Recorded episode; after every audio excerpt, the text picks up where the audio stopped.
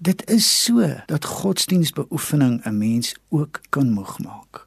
Een van die mooiste verse in die Bybel is Matteus 11 vers 28 waar Jesus sê: "Kom na my toe, almal wat vermoeid en belas is, en ek sal julle rus gee." Dit lyk asof Jesus hier met spesifieke godsdienstige mense van sy tyd gepraat het. Nou vir die Jode was godsdiens maar 'n vermoeiende en 'n vreugdelose deel van hulle lewe. So anders as wat God bedoel het dit moet wees.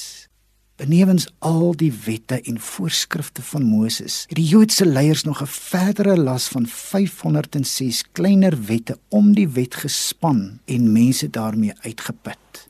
Hulle wet het bepaal dat jy jou hande voor 'n ete 2 tot 3 keer ordentlik en behoorlik moet was alvorens jy vir die ete kon aansit dan was dit geïnspekteer. En dan was daar nog 'n ander magdom van wette en menslike voorskrifte net om by die wet te pas. Vir vele mense is dit wat vir hulle verstaan onder die term godsdienstige beoefening, net wet op wet. Die Christelike godsdiens is immers nie bedoel om 'n lang gesig saak vol moeite en sugte te wees nie. Nee, die Christelike godsdiens soos ek verstaan moet vir jou vreugde bring, Christus het immers aarde toe gekom om diegene te verlos wat in slawerny van vrees en sonde vasgevang is. Vele mense sien nie meer kans vir 'n vermoeiende godsdiens nie. Die rede hoekom godsdienstige leiers Jesus nie kon verdra het nie, was omdat hy nie geskroom het om hulle kritiese gees en mensgemaakte reëls te duld nie.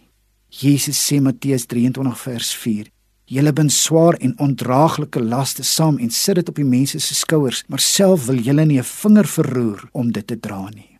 Jesus het nie net met mense wat van die las van die onderhouding van die wet uitgesonder as diegene wat vermoeid en belas is nie, maar daar is min dinge vandag wat 'n mens so uitput en oorlaai as sonde. Vir 'n mens wat vasgevang is in sonde kom daar ook 'n dag wanneer dinge vir jou te veel raak. Wat doen jy dan? Kom dan na Jesus toe. Kom ons bid saam. Here, ek kom vandag na U toe. Vergewe al my sondes.